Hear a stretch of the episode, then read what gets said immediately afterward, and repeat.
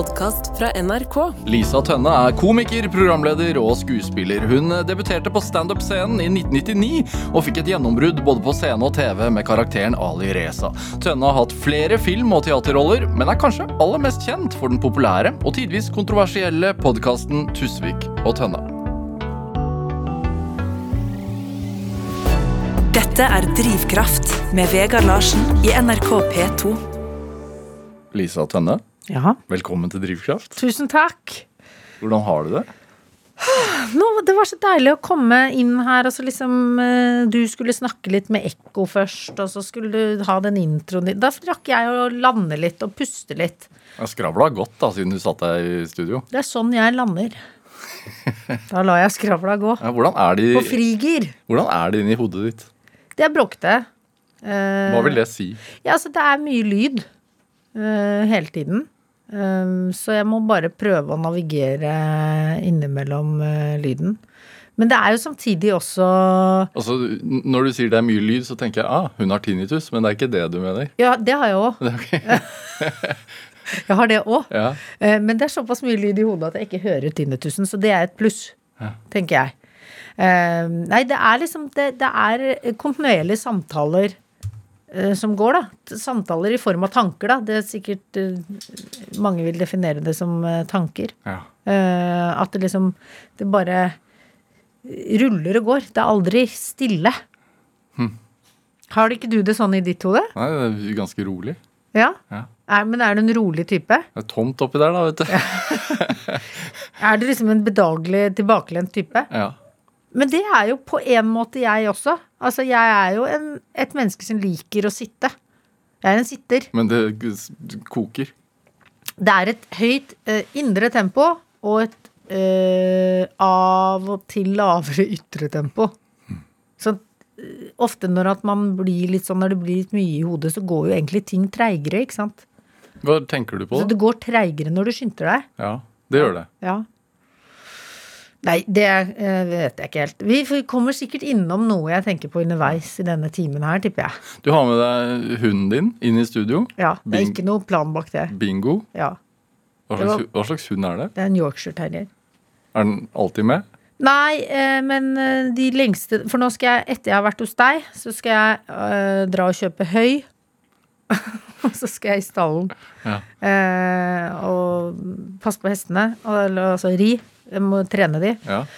Og da eh, kan han være med på tur. Så da slår jeg de fluene jeg har, i en smekk. Kan jeg stille et veldig dumt spørsmål, sikkert? Ja. Hvordan kjøper man høy? Da drar jeg ut på gjester, og så har jeg med meg en hestehenger. eh, hestehengeren min. Den festes på bilen. Kjører ut dit. Snakker med Gjesti, Olaf Gjesti og sønn. Så sier jeg Hei, sønn. Kan du hjelpe meg å bære ut disse høyballene? Legge de i hengeren min. Ja. Og så kommer jeg og betaler for det. Så gjør vi det. Og så kjører jeg da tilbake til stallen.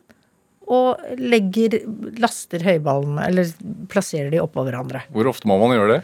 Nei, Det kommer an på hvor stor kvanta man kjøper, da. Ja. Men jeg kan ikke kjøpe så mye, for eh, jeg har eget høy fordi da den ene hesten min ikke tåler det høyet som er på stallen.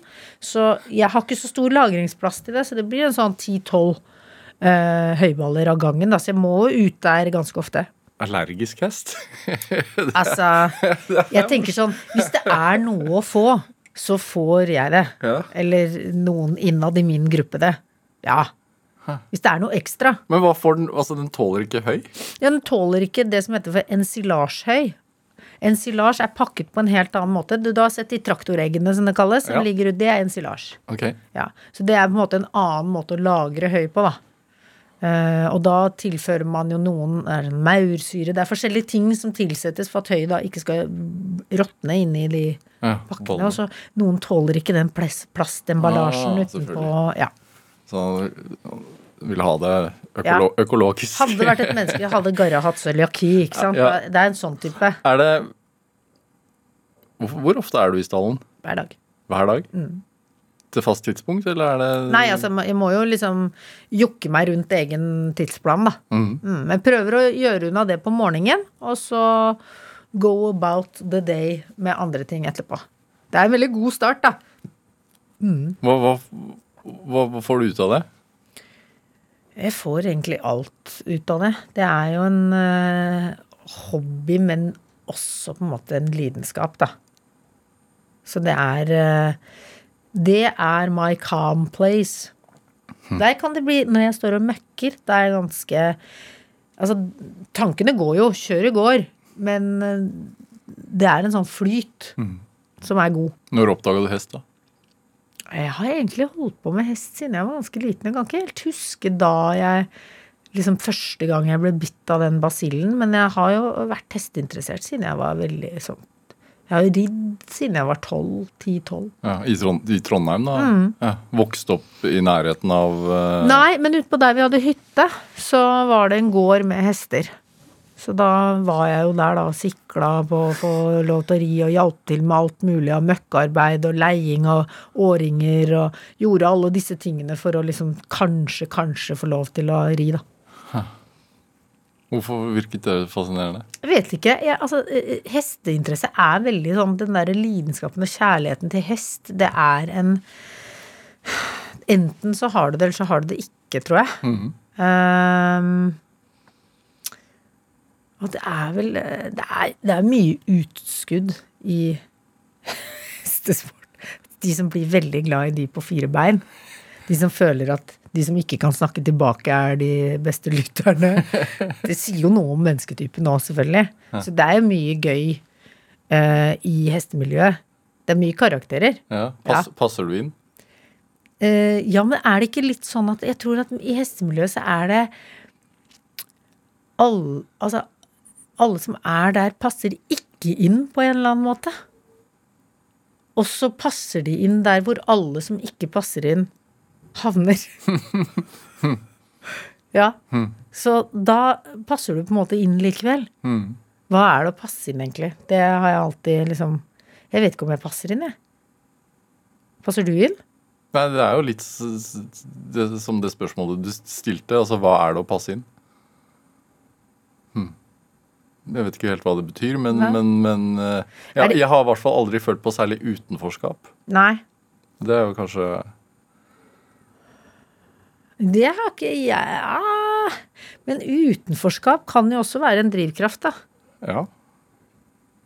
Ikke sant? Sånn at det er mye som Det er ikke noe som er entydig dumt, tenker jeg.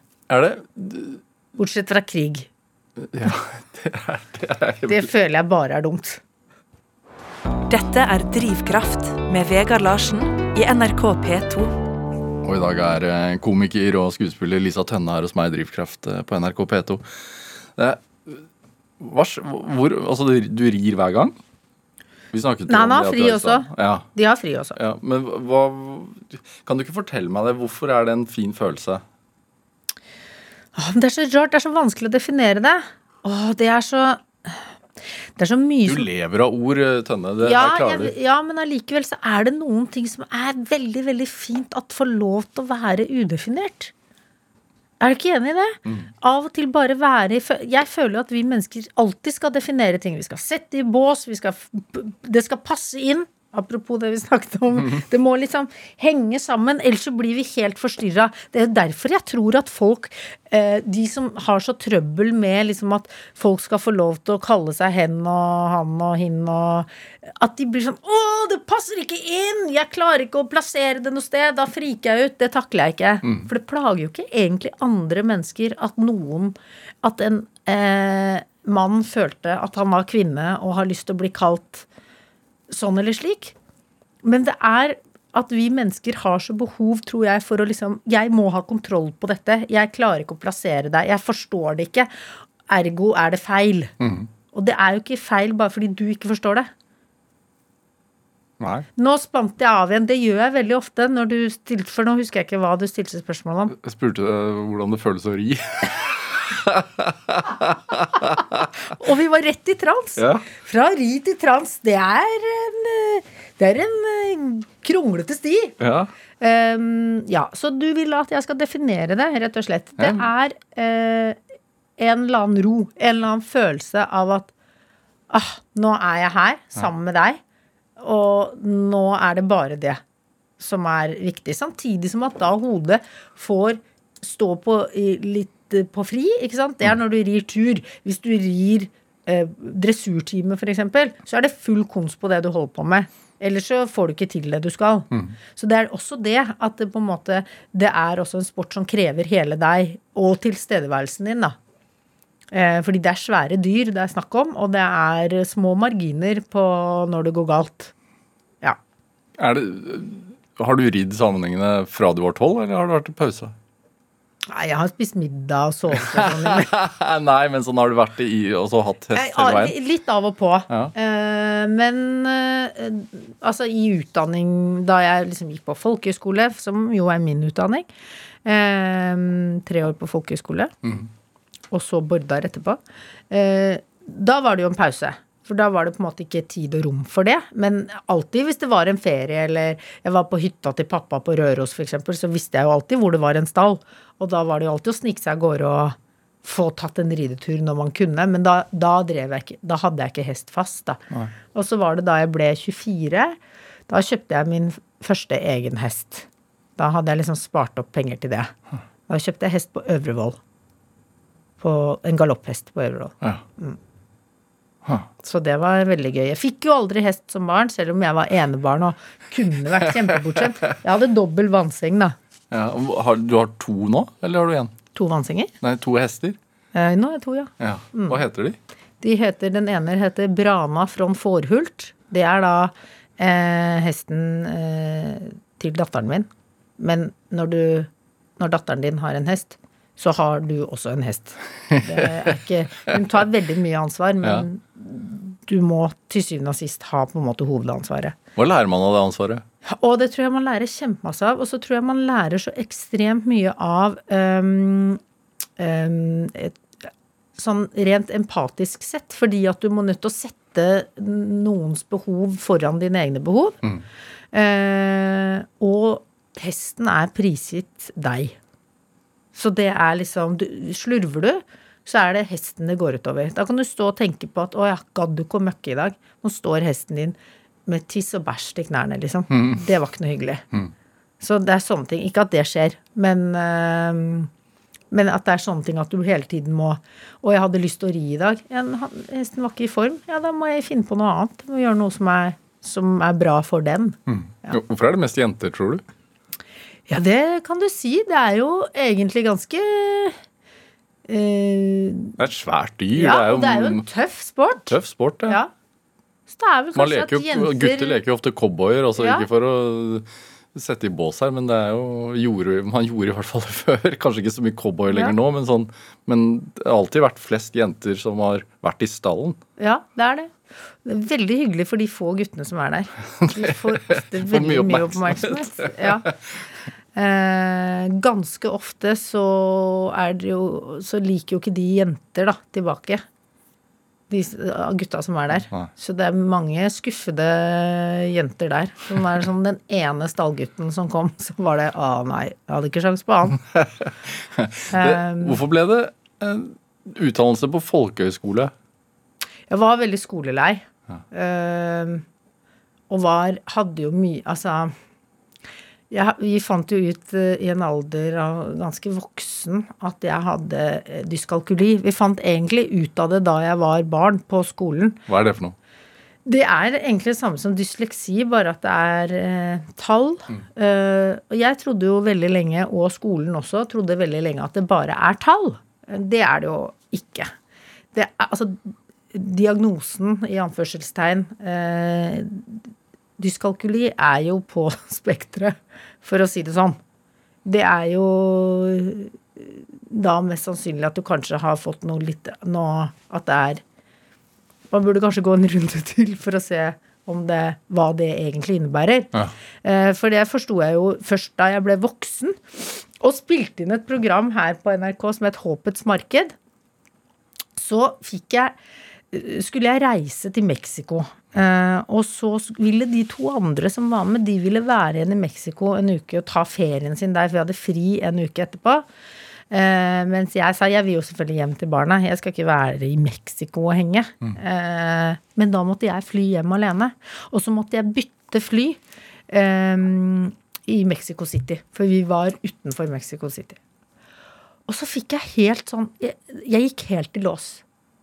Jeg, jeg fikk helt sånn Nei, eh, vi må ha med Hvorfor har vi ikke med en ekstra på denne turen? Jeg ble sånn Altså sånn Helt divanykker, virket det som. da Jeg fikk bare helt panikk. Eh, og så sier da uh, Kjersti, som var en av de som uh, hadde ansvar i produksjonen, sier hun dette syns jeg er veldig rart, og det er veldig ulikt deg. Du pleier alltid å være løsningsorientert. Og nå er, bare nå er det bare helt brems. Du, hva er det som er så Hvorfor skal Hva er det som er så problematisk? Og så klarte jeg til slutt å definere og forklare at liksom, når jeg ser for meg den flyplassen, så ser jeg bare for meg en, en, et garnnøste med masse tråder. Jeg, ikke, jeg, får panikk av å tenke på at jeg kommer ikke til å finne jeg, jeg kommer ikke til å klare å finne flyet mitt. Jeg kommer, til å, jeg kommer, til å, gå meg bort på den flyplassen. Jeg kommer ikke til å klare det. Mm. Altså sånn helt sånn irrasjonell, barnslig hetta, liksom. Frykt, nesten? Ja. ja. Eh, og så sitter vi og snakker litt mer, sånn og sånn, og så sier hun eh, et eller annet så Vi kommer inn på et eller annet hvor jeg da sier at jeg har dyskalkuli. Og hun har jo lagd det programmet som heter Hva feiler det deg? Mm. Eh, og der hadde de om dyskalkuli, som jo veldig få vet om egentlig at er noe i det hele tatt. Man kjenner til dysleksi, mm. men ikke dyskalkuli. Og så sier hun herregud, det gir jo helt mening. Du har jo ikke du har ikke romforståelse, eh, tidsforståelse på samme måte. Og du eh, sliter du med å lese kart. Jeg bare jeg skjønner jo ikke kart. Og har egentlig bare alltid faka det. det liksom, jo, jo, men så har jeg liksom funnet veien på en annen måte enn kart, da. Men jeg har på en måte latt som jeg har Eller jeg har trodd jeg har skjønt kart. Mm. Jeg har ikke skjønt kart. Eh, og eh, ja, så da ga jo plutselig alt mening. Og da forklarte hun hva den legen hadde sagt om uh, dyskalkuli, da. Og hva var det?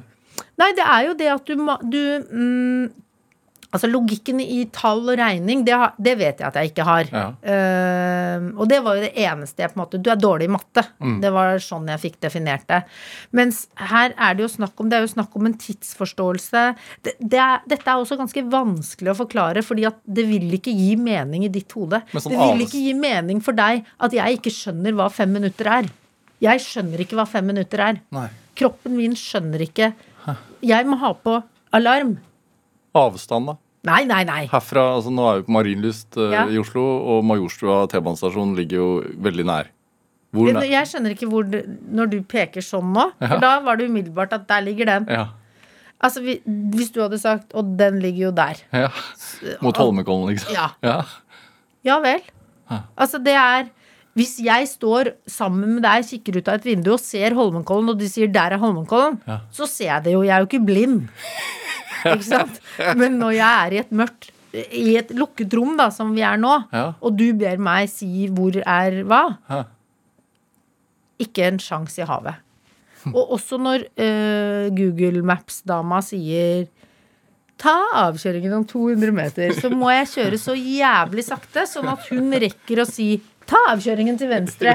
For jeg vet ikke hva 200 meter er.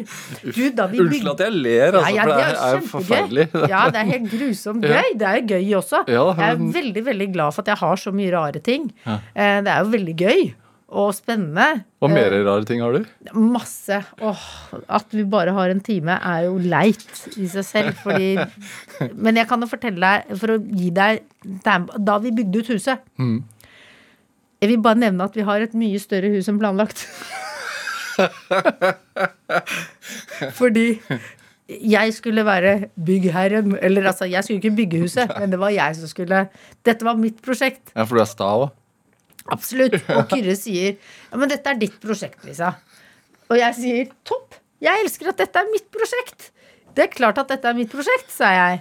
Og så bygger vi ut, og da syns jeg at eh, 24 kvadrat eksempel, hørtes veldig lite ut. Mm -hmm. Da så jeg for meg en fyrstikkeske-aktig. Ja, og, og, det skulle vært badet? Nei. ja, nei, det skulle vært et sånt rom oppe. Og jeg sa nei, det er for lite. Vi må ha litt mer rom ut der. Jeg trenger ikke så stort tak, sa jeg.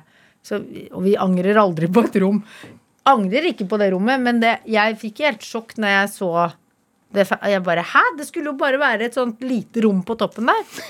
Ja, du ville jo ikke ha det lille rommet på toppen, du ville jo ha et større rom på toppen. Å ja, ja. Og så var det også at vi satt og så på tegningene, for det er jo problemet mitt. Hvis jeg ser en tegning, og der står det jo kvadratmeterne og alt mulig sånn, ikke sant. Ja.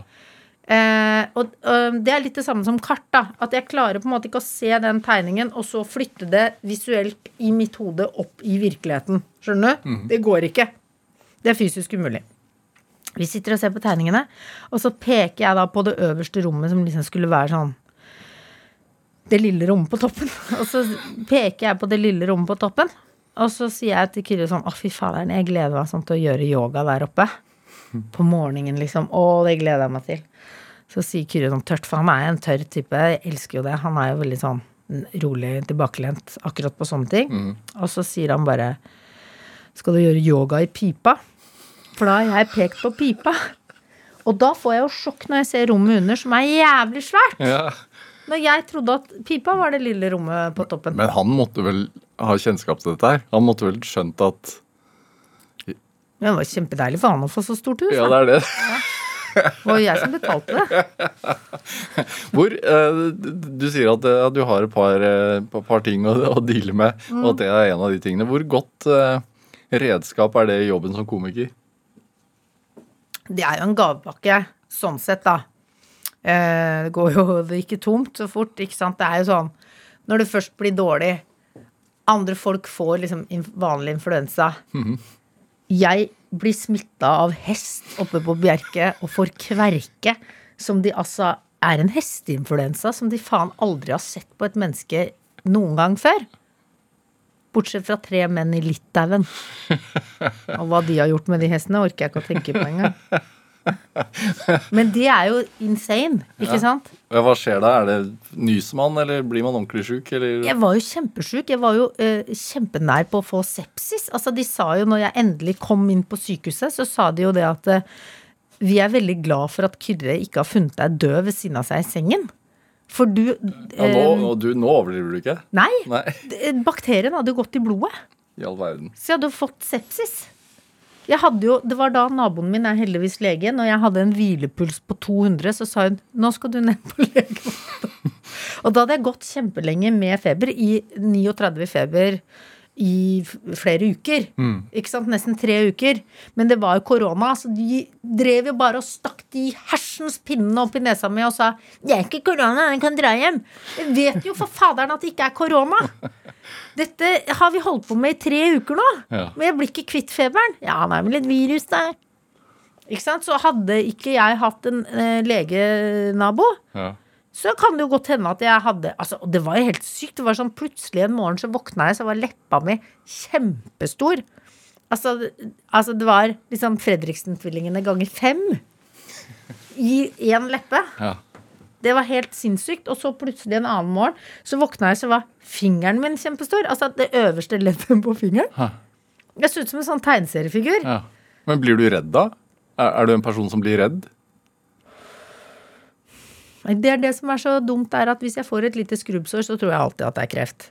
Eh, Men hvis det er ordentlig alvorlig, da blir jeg ikke redd. Nei. Når, det var, eh, når du fikk kreft, da? Nei, jeg har ikke hatt kreft. Nei, Du har bare hatt en svulst? Ja. Godarta svulst? Ja, heldigvis. Ja. Mm. Jeg følte jo at jeg har trukket det lengste strået, ja. sånn sett. Men ble du redd da?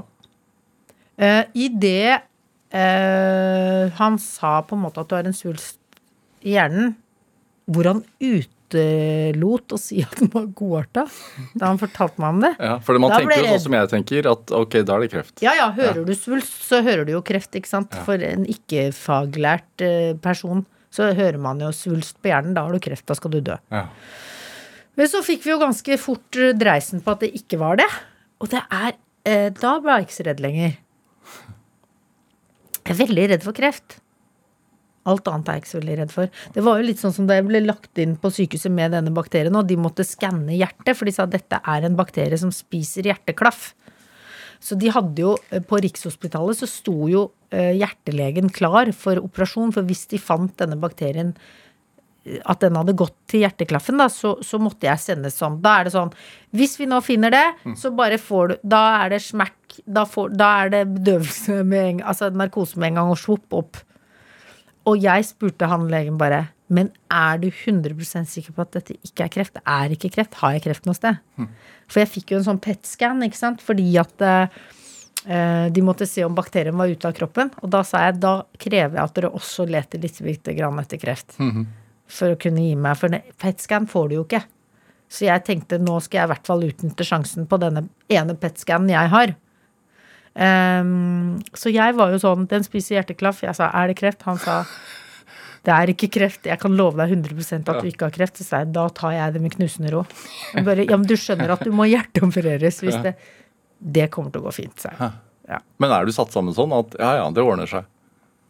Jeg er visst på en måte det, da. Det er ikke så farlig, liksom? Jo da, det er veldig farlig. Så det er sammensatt. Det er Jeg er redd. Jeg er ikke noe tøff sånn, og jeg er ikke noe sånn som gir blaffen, men, men jeg har When the shit hits the fan, Ja. da er jeg god. Hæ. I krisen er jeg god. Så når, når det først brenner, da er du rolig? Da er jeg rolig, ja. Da blir jeg helt rolig. Hæ. Sånn som når vi fikk et badekar i frontruta. Ikke sant? Skjønner du? Skjønner du? Det høres jo ut som en metafor for å være lam i halve ansiktet, men det er det ikke. Eller en Donald-historie. Ja. badekar i frontruta. Ja, det var bilulykken.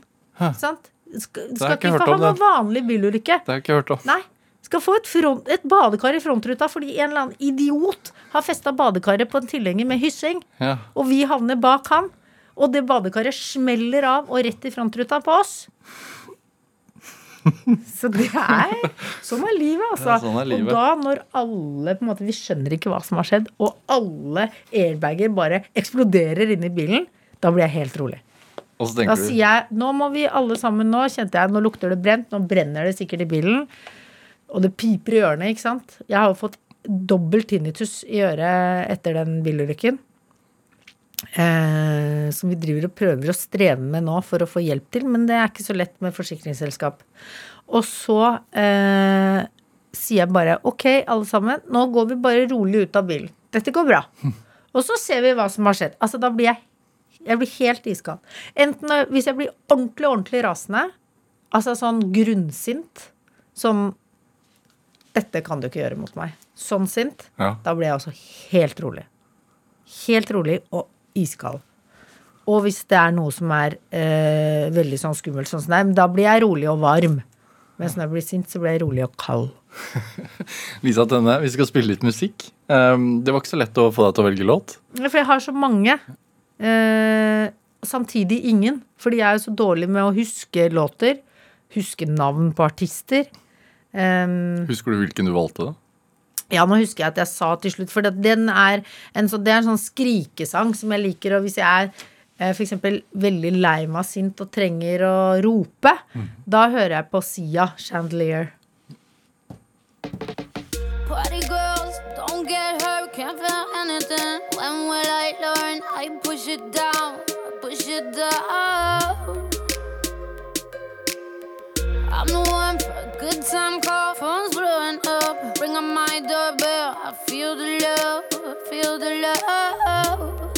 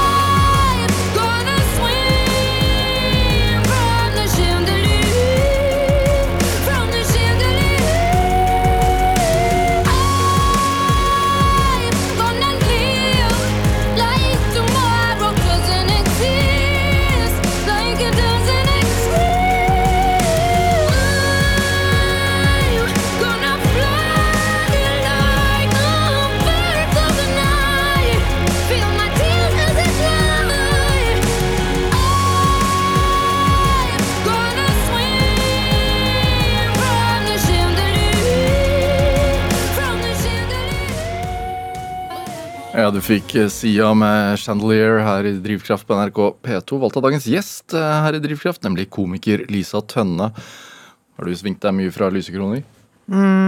Ja, metaforisk så er jeg vel egentlig det. Jeg føler at jeg svinger meg fra lysekroner. Jeg føler at det er en vanlig dag, jeg. Fra du var barn? Ja. Det går unna. Mm. Hvordan var du som barn?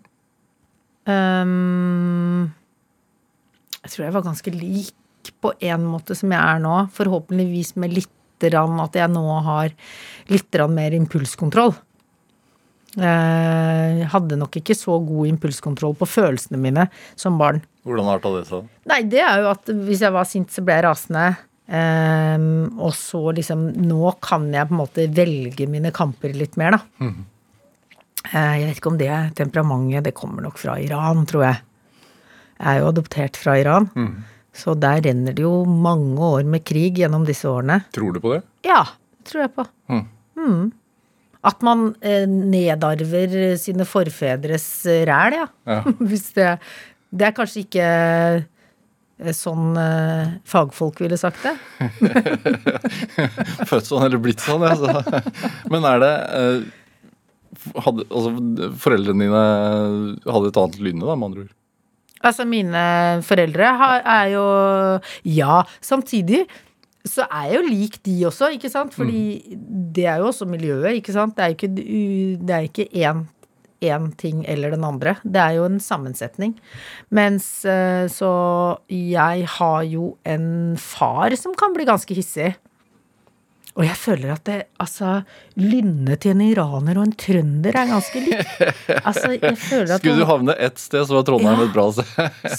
selvtilliten er ganske lik. Ja. Jeg føler at denne, den iranske selvtilliten er jo også De er jo så veldig selvgode. Og det er jo trønderne òg. Det er jo liksom Nei, du vet at det var jo i Trondheim det hele starta. Det er som en slags Mesopotamia i Norge. Jeg skjønner det. Norges Mesopotamia. Trondheim. Jeg føler det, altså. Ja. Hva drev faren din med da da du vokste opp? Eh, han drev eh, væskebutikk som het HVs. Og Han er en sånn self-made eh, type. Ja. Eh, som en Altså- gründer, da. Altså, Hva slags væsker? Eh, alt innen skinn og lærvare. Ja. HVs heter det. Ja. Ja. Vokste du opp der på et vis? Eh, ja, altså jeg var jo innom han, han jobbet jo veldig mye, for han var jo i startfasen da jeg var liten. Eh, så, ikke sant? Og det å være gründer, da er du mye på jobb. Mm. Og jeg husker når han hadde vært på sånn eh, lærvaremesse i Østen. Det er, jeg alltid, Fra jeg var barn, så trodde jeg jo lenge at Østen var et land. eh, og da fikk jeg alltid flykoffert når han kom hjem. ikke sant, Den godterikofferten. Husker du det? Ja. Ja. Så det er gode barndomsminner. ja. Moren din, da? Hun var hjemme med meg eh, lenge, og så jobbet hun litt når jeg ble litt større, men hun var lenge hjemmeværende med meg. Ja. Det er også veldig fint. For en sånn Det var veldig fint, det, altså. Ikke barnehage? Jeg gikk i park. Barnepark. Så jeg var der fr- sånn fram til klokka to. Ja. For det er jo også fint å sosialisere, da, som barn. Var du... eh, Vi snakket om det og, og, og Når man eh, trekkes mot stallen, så er det ofte fordi at man eh, er, er litt annerledes, eller kanskje trenger å passe inn i stallen. Hva, passet du inn? I stallen eller i, livet? I livet? Eh, ja og nei. Jeg har jo på en måte eh, følt både på et fellesskap og et utenforskap. Eh, og det var jo kanskje også fordi at eh, Litt grunnet den impulskontrollen, ikke sant. At det, jeg eh, var jo Jeg vet ikke om man skal Jeg, var, jeg er jo mye menneske. Så jeg tar jo plass. Um, og det er jo veldig positivt noen ganger. Og så er møter du jo også utfordringer ved å være et menneske som tar plass. Da. For da legger du jo hele tiden hodet på hoggestabben, ikke sant. Det er jo lettest å ta de som er synlige, og de som krever sin plass. Men har du vært klar over det alltid? At jeg tar mye plass? Ja. Ja, men jeg vet ikke om jeg liksom var klar over det på samme måte som jeg klarer å se det som voksen. Det klarer du jo ikke som barn. Da klarer du jo ikke å se at det eh, også kan skape problemer. Mm. Hvordan problemer? Nei, bare det at du på en måte da Ja, la oss si at man er i et fellesskap hvor vi er uenige om en ting, da. Og så blir du den som blir talsmann eller talskvinne for, for denne uenigheten, og så plutselig blir det litt større furore enn man hadde tenkt, og så er det da de andre blir litt vage i sine uttalelser, og så står du plutselig aleine i konflikten. Det er jo en ting som kan være krevende når du er barn, da. Mm. At du plutselig har surra deg inn i Å ja, skulle jeg, jeg skulle ta hele denne krigen aleine plutselig, ja. Ja, som for eksempel. Å, jeg er dårlig på å huske konkrete eksempler. Det er jeg ræva på. Ja. Uh, Så jeg kommer ikke på et sånt konkret eksempel nå, men det var jo gjerne sånn i skolesammenheng, eller hvis det var konflikter mellom grupper, eller så var jeg jo ofte Altså, det var alltid storm i mitt vannglass, på en eller annen måte. Ja. Men da blir det jo heller aldri kjedelig, da. Men det kan jo også av og til være slitsomt. Ja, og det å innrette seg og sitte stille og rekke opp hånda og sånn Det var vanskelig å sitte stille, ja. Ja. Det hadde jeg store problemer med. Hvordan var det for de da du droppa ut da, av videregående? For mamma og pappa, Ja. eh, de backa. De så jo også at eh, Altså, også av alle ting, ikke sant. Litt sånn demotivert og sose rundt og etter videregående med ikke sånn kjempegode karakterer. Så jeg kunne jo ikke velge og vrake i videregående. Og så var det jo litt sånn Bestevenninnen min valgte handel og kontor. Og det var ganske lavt snitt for å komme inn der, da. Så jeg valgte også det. Eh, med dyskalkuli så var det jo helt topp for meg å få lov til å sitte og håndregne debit og kreditt. Var jo Så jeg var mye inne hos sosiallæreren eh, og satt der og skravla når jeg ikke klarte helt å sitte stille. Men det var faktisk på videregående at jeg møtte en fantastisk lærer. Jeg hadde en fantastisk lærer. Trine het hun. Hun Nei, hun Fordi at um, veldig ofte så ble jeg jo sett på som et Jeg ble jo et problem selvfølgelig i klassen når jeg da tullet og tøyset så mye. Eh, mens hun satt på en måte pris på det. Altså Så hun, hun tok meg jo da på alvor og, og ga meg plass. Samtidig som at hun da krevde at da må du også gi noe tilbake. Ikke sant? Hva skulle du gi da? Ro. så det ble veldig, veldig fint. Ja. Så, altså, mens vi spilte låten her, så drev du litt med sånn hundetrening. Ja. Fortalte hvordan man skal trene opp bikkja si. Ja. At uh, Hva var det du sa? At man må aldri løpe etter den. ja. Ikke løpe etter hunden. Hunden må komme et, Altså hvis, hvis en hund Hvis du roper på hunden din, Mhm. og så løper den i den andre retningen, og løper fra deg, da må du løpe fra den. Mm. For den skal ønske å være i flokken. Sant? Sånn at det er en god trening. At du hele tiden har en hund som følger med på deg og sier 'Å, jeg må huske på at jeg må være med i flokken'. For det er viktig. Det er overlevelsesregel nummer én for flokkdyr, er å ikke miste flokken. Har du hatt behov for flokk? Ja. Og nå har jeg jo lagd eh, min helt egen flokk. Jo, Hva gjør det? Med ro og temperament? Eh, lander jo veldig i det å ha en flokk, da. Vi er jo flokkdyr, vi mennesker også. Mm. Eh, samtidig som at jeg kan jo være veldig eh, Jeg er sånn Jeg har alltid liksom tenkt at jeg, Å, så fint det hadde vært å hatt en vennegjeng, f.eks. Jeg har veldig mye venner, men jeg klarer ikke den strukturen i en vennegjeng at du hele tiden må em, At man må møtes, at, at venner blir skuffet hvis du ikke rekker å møtes. Det er jeg dårlig på. Så jeg trenger å ha venner som også er sånn vims, da, som på en måte skjønner at jeg er veldig glad i de og setter enormt pris på de. Og det er jeg flink til å fortelle, selv om jeg ikke alltid eh, får til den derre ja, nå må vi møtes, og nå skal vi ha vinkveld, og nå skal vi ha sånn, og nå skal vi ha slik. Det er jeg ikke noe god på. Hvorfor standup? Eller komedie? Eh, komedie føler jeg på en måte aldri har vært et valg. Det har vært en sjel. Hm, Hva vil det si? Det det har liksom alltid ligget latent. Å se det absurde og det rare i situasjoner. Eh, Så det er ikke noe jeg har lært meg. Det er, en- det er på en måte en gave, føler jeg, da, som jeg har. Ja. Så bare Altså, det går fort. Det går veldig fort oppi hodet. Med assosiasjoner og. Så det er på en måte, Og det er jo en overlevelsesstrategi jeg alltid har valgt, også når ting har vært vanskelig, er jo da eh, Hvis jeg har knota det skikkelig til, så fins det jo alltid noe gøy i den situasjonen. Når du har virkelig rota det til. Så er det noe gøy med å fortelle det etterpå. Med en, da en selvinnsikt over at du har rota det til, da. Så jeg tror at eh, jeg har alltid hatt en selvinnsikt på hvem jeg er. Alltid klart å se meg selv utenfra på et eller annet vis. Og det tillater også da å se humoren i det som skjer, da. Mm. Når skjønte du at det var et spor du skulle dyrke, da? Jeg tror ikke jeg var bevisst det. Og så har jeg alltid likt å underholde, da. Likt den på en måte oppmerksomhet. Likt å få folk til å le. Ja. Jeg syns det er eh, Altså fra barna, liksom? Ja. det syns jeg er helt magisk. Det, og jeg elsker jo å le selv. Det er det beste jeg vet. Så altså, al, altså Jeg kaster mye på båten for en god latter. ja. Ja. Og der kan jeg også selvfølgelig gå for langt noen ganger, da. Det, men det å altså Fordi du scenedebuterte i 99. Mhm. Da hadde du gått tre år på folkehøyskole. Og to år på Bordar. Ja.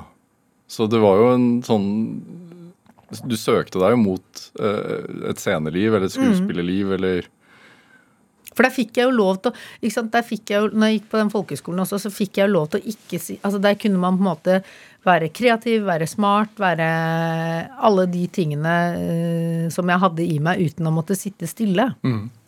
Og få det ut nødvendigvis gjennom å sitte stille og den type arbeid. Jeg trengte en annen måte å jobbe på. Så folkehøyskole fungerte som en mye bedre utdanningsinstitusjon for deg, da? Ja, Ja. Tenk deg tre år på folkehøyskole. Det er også litt uvanlig, eller? Ja. Jeg visste ikke at det gikk an engang. Nei. Men, eh, Men alt går an. Det er det som er gøy. men hvorfor trivdes du sånn? Mm, Jeg trivdes vel i det kreative miljøet, da. Det var ikke samme. Det var forskjellige Nei, det var først en folkeskole uh, som jeg begynte på da jeg var 16, Nordmøre folkeskole. Og det var veldig ungt, tror jeg. Der var vi ganske sånn ville, ikke sant. Da kom vi utenfra, så har du det på en måte trygt på en folkeskole med tak over hodet og mat, og du blir passet på, samtidig som at du er borte fra foreldrenes uh, jernhånd. Så da ble det jo litt vilt der. Eh, så jeg tror nok de angret litt på at de hadde aldersgrense 16 år. Jeg tror de satte opp den etter, etter kullet vårt var ferdig. Ja. Og så var det da eh, Solbakken folkehøgskole. Jeg gikk på etterpå, eh, og der var det først ett år, og så var det en sånn slags audition for en mindre gruppe som kom inn på et andre år, da. Hvor man dro ut på Da dro man jo ut på turné og eh, liksom jobbet mer sånn Da gikk man litt mer inn i materie da enn i første året. Ja, For det var en teaterlinje der, liksom? Ja, teater og revy het det. Revyskolen på, heter det vel kanskje. Hvordan var komikermiljøet på slutten av 90-tallet? da?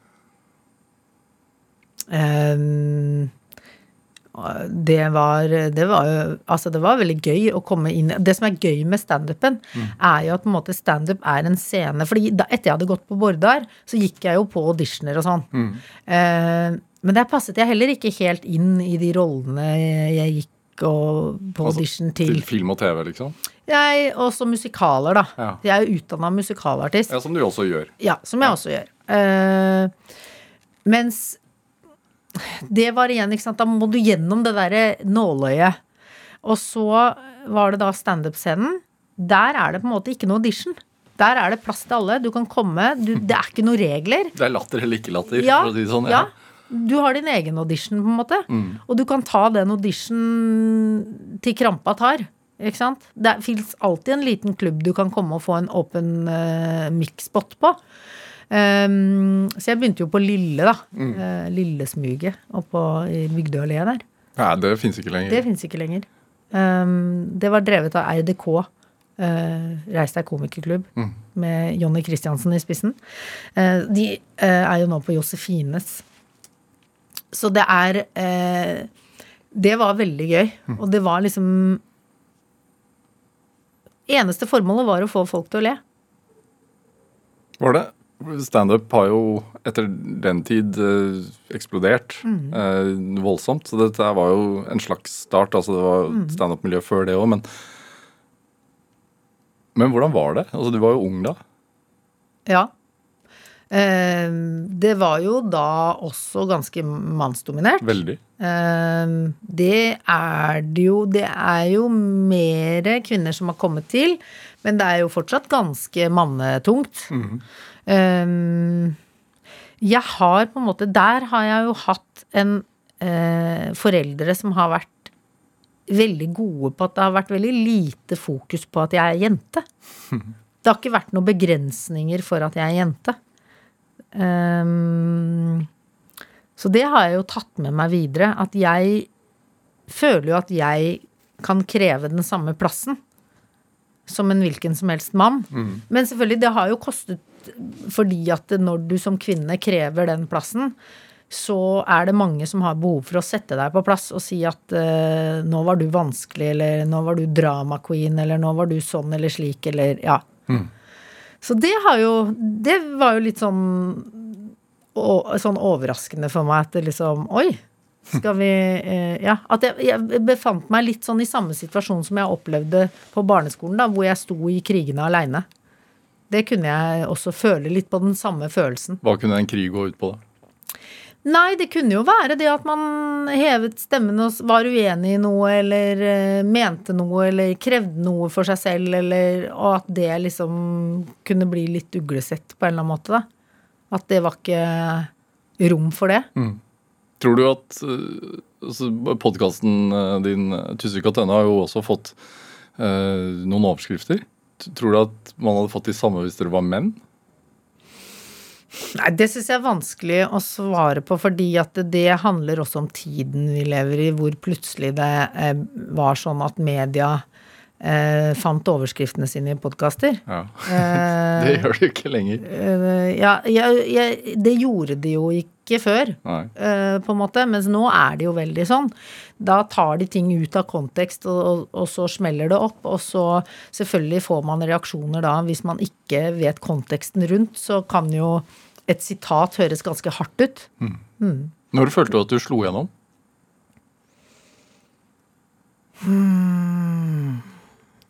Eh, jeg slo vel kanskje gjennom ganske tidlig.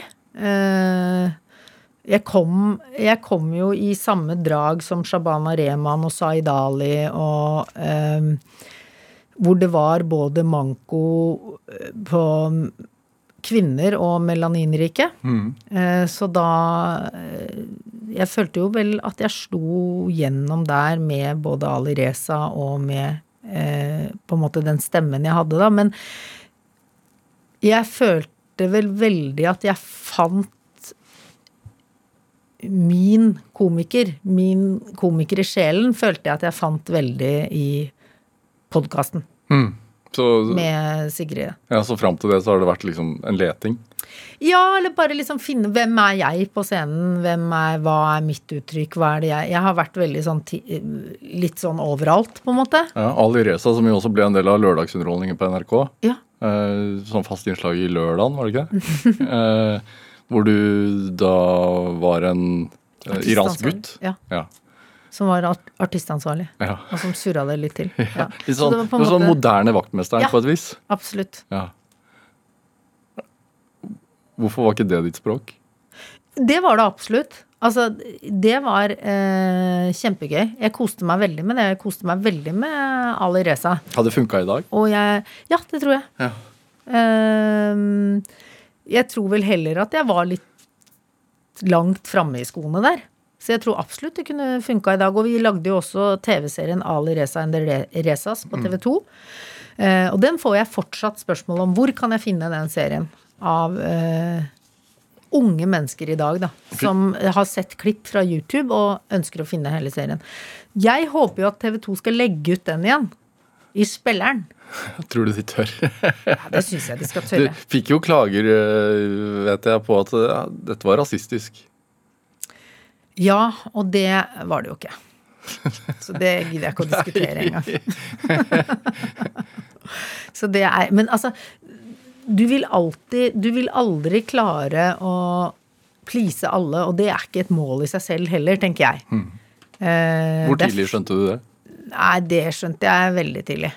Så man må noen gang velge, og så må man Hvis man skal rope høyt, så må man også tåle at folk er uenige, da. Og det er jo lov å være uenig, og det er lov å bli krenka. Men det er også lov å krenke. Hvor hardt jobber du med, med tekster og sånn? Eh, altså, I Tusvik og Tønne, hvor mye planlegger du? Før en podkastinnspilling? Mm. Ja, det er svært lite. Der er det Rutinen? Ja, eller det er, det er jo øh, en slags improvisasjonslek. Det ene tar det andre. Det er en assosiasjonslek. Så vi spinner jo ofte av gårde. eh, Vi begynner på ett tema, og så plutselig så har det temaet 1000 grener. Og så, så det er jo veldig mange ganger at folk sier 'Den historien dere begynte på, dere fullførte aldri den'. For da har vi spunnet av gårde. Litt sånn som vi sånn. gjør her. Ja. Ja. Eh, og det er jo det gøye. Det ene tar det andre, og så blir veien til litt eh, mens vi går. Men vi kan jo også sitte for eksempel og se gjennom hva er det av nyheter i dag, hva er det som er gøy å snakke om. Men vi har ikke et manus. Det er jo elleve år i år. Og Ja. ti- tiårsjubileum i fjor. Og, og eh, fremdeles veldig populær, og, og ble jo populær ganske kjapt. Bortsett sånn fra at den helt klart er morsom. Hva, hva tenker du at den har gjort?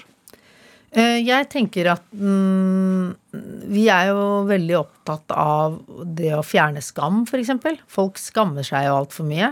Og eh, man tar livet så altså Jeg sier ikke at man skal ikke ta ting alvorlig, men samtidig så er det noe med å trekke seg ut i verdensrommet litt og se på det store og hele bildet. Og så tenk, kan man tenke med ganske mange ting at ja, det er ikke så farlig. Dette går bra.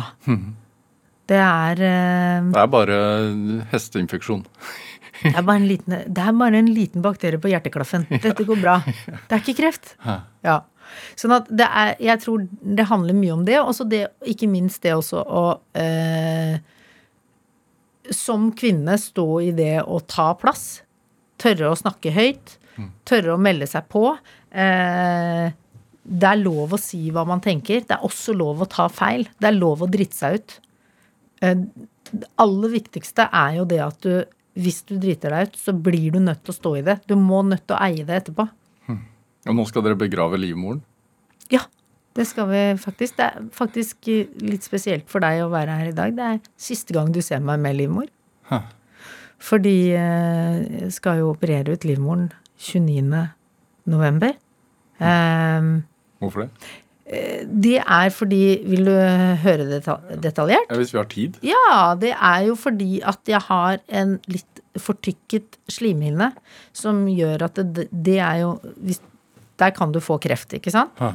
Eh, Så da kan du enten gå og sjekke hele tiden for å se at det ikke utvikler seg noen kreftceller der, eller så kan du si 'jeg er faktisk ferdig med min livmor'. mm. Så den kan vi da hente ut i stedet og si 'tusen takk for nå', det har vært et hyggelig følge. Nå var din tid over. Eh, Men eh, jeg får jo, er jo et menneske som får badekar i frontruta.